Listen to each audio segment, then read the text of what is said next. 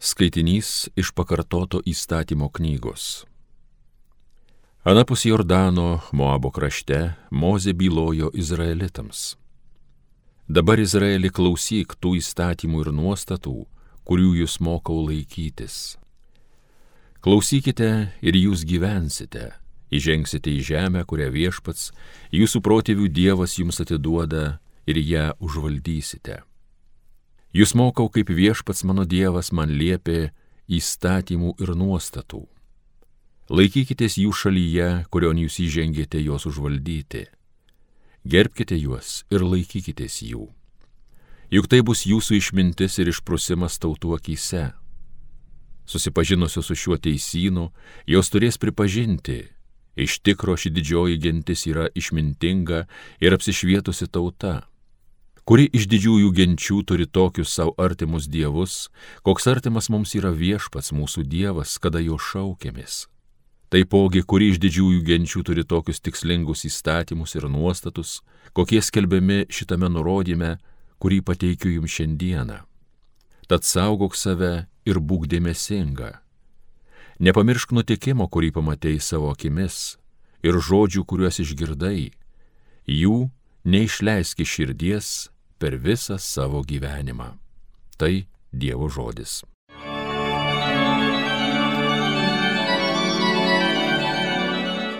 Šlovink Jeruzalę viešpatį. Šlovink Jeruzalę viešpatį, savo Dievą garbink Sijonę. Jis tavo vartams klaščius padarė, tavo vaikams jis duoda palaimą. Šlovink Jeruzalę viešpatį. Jis savo žodį siunčia į žemę, sparčiai jo įsakymas skrieja Žemė sniegu kaip Vilna nukloja, kaip pelenais širkšnu ją nubarsto. Šlovink Jeruzalę viešpatį. Jokūbo vaikams savo žodį paskelbė, Izraeliui savo įstatymus ir priesakus davė, kitoms tautoms jis to nepadarė, ne viena iš jų neapreiškė savo sprendimų. Šlovink Jeruzalę viešpatį. Garbė ir šlovė tau viešpatie Jėzau. Viešpatie, tavo žodžiai yra dvasia ir gyvenimas, tu turi amžinojo gyvenimo žodžius. Garbė ir šlovė tau viešpatie Jėzau. Iš Ventosios Evangelijos pagal matą. Jėzus bylojo savo mokiniams. Nemanykite, jog aš atėjęs panaikinti statymo ar pranašų. Nepanaikinti jų atėjau, bet įvykdyti. Iš tiesų sakau jums, kol dangus ir žemė nepraeis, nei viena raidė ir nei vienas brūkšnelis neišnyks iš įstatymo, viskas įsipildys. Todėl, kas pažeistų bent vieną iš mažiausių paliepimų ir taip elgtis mokytų žmonės, tas bus vadinamas mažiausiu dangaus karalystėje, o kas juos vykdys ir jų mokės, bus vadinamas didžiu dangaus karalystėje. Taigi sakau jums, Jeigu jūsų teisumas nebus tikresnis už rašto aiškintojų ir fariziejų teisumą, jūs neįeisite į dangaus karalystę. Tai viešpatie žodis.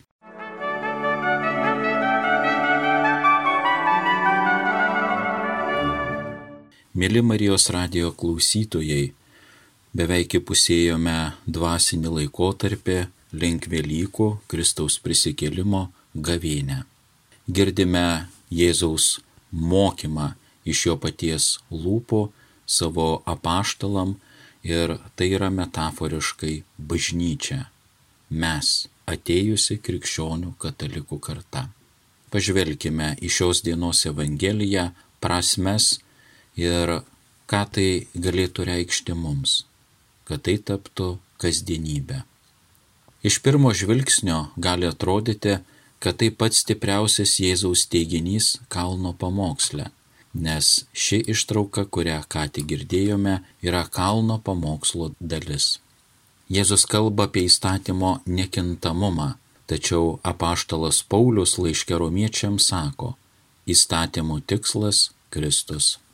Jėzus nekarta pažeidė tai, ką žydai vadino įstatymu. Jis nesilaikė įstatymę nustatytų rankų plovimo taisyklių, Jis gydė ligonių šabo dieną, nors įstatymas tokį gydimą draudžia. Jis buvo pasmerktas ir nukryžiuotas kaip įstatymo pažeidėjas ir laužytojas. Ir vis dėlto čia jis kalba apie įstatymą su tokia pagarba ir atsakomybė, kokios neturėjo joks kitas tuometinis rabinas žydų visuomenėje. Pati mažiausia raidė, apie kurią kalba Jėzus, Biblijoje vadinama Ijota. Tai senosios hebrajų abecėlės Ijot ženklas. Savo formą ji panaši į apostrofą. Net neraidė, šiek tiek daugiau nei taškas, neturėtų išnykti. Jėzus tikėjo, kad įstatymas yra toks šventas, kad net mažiausia jo dalis niekada nepraeis. Pažydus žodis įstatymas turėjo keturias reikšmes. Pirmoji, jie naudojo jį vienu žodžiu pavadinti dešimt Dievo įsakymo. Antroji, pirmosios penkios Biblijos knygos buvo vadinamos įstatymo. Ši Biblijos dalis žinoma kaip lietuvių kalboje penkiaknygė arba penteteuchas, kuri išvertus pažodžiui reiškia penki rytiniai. Žydų akimis buvo svarbiausia Biblijos dalis. Trečioji reikšmė - žydai turėjo posakį - įstatymas ir pranašai, o tai reiškia visą šventą įraštą. Jie vartojo šią frazę kaip bendrą terminą visam Senajam testamentui. Ketvirtoji - galiausiai šis žodis reiškia žodinį įstatymą ir rašto aiškintojų įstatymą. Jėzaus laikais dažniausiai buvo naudojama paskutinė reikšmė, o būtent rašto aiškintojų įstatymą Jėzus ir Paulius smarkiai smerkė.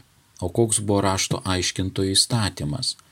Pačiame Senajame testamente randame labai mažai taisyklių ir įvairių nuostatų, tačiau jame nustatomi pagrindiniai bendri principai, kuriuos kiekvienas žmogus turėtų interpretuoti pagal savo situaciją, kaip jam liepia Dievas, ir jais vadovautis konkrečiose gyvenimo situacijose. Dešimtie Dievo įsakymų apskritai nėra jokių taisyklių ir normų. Kiekvienas įsakymas pristato pagrindinį principą, iš kurio pats žmogus turi pritaikyti savo gyvenimo ir elgesio normas. Vėliau žydams šių pagrindinių principų pasirodo neužteko. Jie tikėjo, kad įstatymas yra šventas. Jame Dievas pasakė paskutinį savo žodį ir todėl jame turi būti pasakyta viskas. Tai, ko įstatymė nėra aiškiai ir suprantamai pasakyta, tada jų nuomonė jame turėtų būti numanoma. Todėl žydai tvirtino, kad iš įstatymo galima išvesti elgesio taisyklę ar normą bet kokiam gyvenimo atvejui. Todėl rašto aiškintojai ir fariziejai per visą savo gyvenimą padalino didžiuosius įstatymo principus tikrąją to žodžio prasme į tūkstančius normų ir taisyklių. Jėzaus laikais religija, tarnavimas Dievui, griežtiems ortodoksams žydams buvo tūkstančio rašto aiškintojų įstatymo taisyklių ir nuostatų laikymosi reikalas. Jie šias smulkės normas ir taisyklės laikė tiesioginę prasme gyvybės, mirties ir amžino likimo klausimu. Akivaizdu, kad Jėzus to neturėjo omenyje sakydamas, jog ne viena iš šių taisyklių niekada nepraeis arba neišnyks. Jis nekarta jas pažeidė. Akivaizdu, kad Jėzus netai turėjo omenyje, kalbėdamas apie įstatymą nes ir jis, ir Paulius tokį įstatymą smerkė. Ką tada Jėzus turėjo omenyje kalbėdamas apie įstatymą? Jis sakė, kad atėjo ne pažeisti įstatymo, o jį įvykdyti. Kitaip tariant, jis atėjo suteikti įstatymui tikrąją prasme ir reikšmę. Kokia yra tikroji įstatymo prasme ir reikšmė?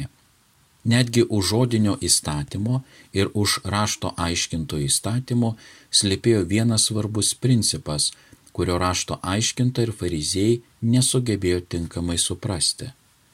Žmogus visame kame turi ieškoti Dievo valios, o ją atpažinęs visą savo gyvenimą skirti šios valios įvykdymui. Rašto aiškintojai ir fariziejai elgėsi teisingai, kai ieškojo Dievo valios, ir dar teisingiau, kai paskyrė savo gyvenimą šiai valiai įvykdyti, bet jie klydo, kada matė šią valią daugybėje žmonių sukurtų normų ir taisyklių. Kokia yra tikroji įstatymo prasme? Pažvelgę į dešimt Dievo įsakymų, kurie sudaro įstatymo esmę ir pamatą, matome, kad jų prasme galime suvesti į vieną žodį - pagarba, o dar geriau - žvilgsnis su meilė į Dievą ir artimą. Pagarba Dievui ir jo vardui, gerbimas viešpaties dienos sekmadienio, pagarba tėvams, pagarba gyvybei, pagarba kito nusavybei, pagarba asmeniui, pagarba tiesai ir žmogaus geram vardui, pagarba savo. Tai yra pagrindiniai dešimties Dievo įsakymų principai. Visas įstatymas pastatytas ant jų. Tai yra dvasinis jautrumas ir pagarba, kurios Jėzus atėjo įvykdyti. Senovės graikai sakė, kad teisingumas tai yra atiduoti viską, kas priklauso Dievui ir žmonėms. Jėzus atėjo parodyti žmonėms, ką reiškia deramai garbinti Dievą ir atiduoti deramą pagarbą žmonėms. Šis Dievo garbinimas ir ši pagarba žmogui neveda į daugybę smulkių taisyklių ir normų laikymasi. Šiems principams nereikalinga auka, bet gailestingumas, ne žmonių sukurti įstatymai, bet meilė, nedraudimai žmonėms daryti vieną ar kitą, bet patariant kurti savo gyvenimą ant meilės įsakymo. Dievo garbinimas ir pagarba žmogui, kurie yra dešimt Dievo įsakymų pagrindas, niekada nepraeis. Jie yra esmė, nustatanti tinkamą žmogaus santykių su Dievu ir su kitais žmonėmis. Jėzus perspėja, kad krikščionių teisumas turi būti aukštesnis už rašto aiškintojų ir fariziejų teisumą. Ką jis tuo norėjo pasakyti?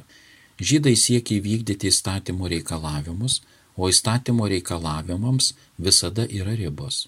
Tačiau krikščionis tengiasi parodyti savo meilę Dievui, o meilės reikalavimai neturi ribų tiek šiame gyvenime, tiek amžinybėje. Jėzus žmonių dėmesį kreipia ne į Dievo įstatymą, bet į Dievo meilę. Žymus vakarų bažnyčios mokytojas Augustinas teigė, kad krikščioniško gyvenime esmę galima suvesti vieną frazę - mylėk Dievą ir daryk, ką nori. Tačiau, kai suvokiame, kaip Dievas iš tiesų mus pamilo, tuomet mūsų gyvenime lieka vienas troškimas - atsiliepti į šią meilę. Ir tai yra pagrindinė viso pasaulio užduotis, nes jį iškelia žmogui tikslą apie kurį niekada ir negalėjo pagalvoti žmogus, galvojantis įstatymo kategorijomis ir apie žymiai aukštesnės atsakomybės negu įstatymas. Keliaukime link tikrų Velykų Kristaus prisikėlimo širdimi, mintimis ir kasdienybę gyvenimu. Amen.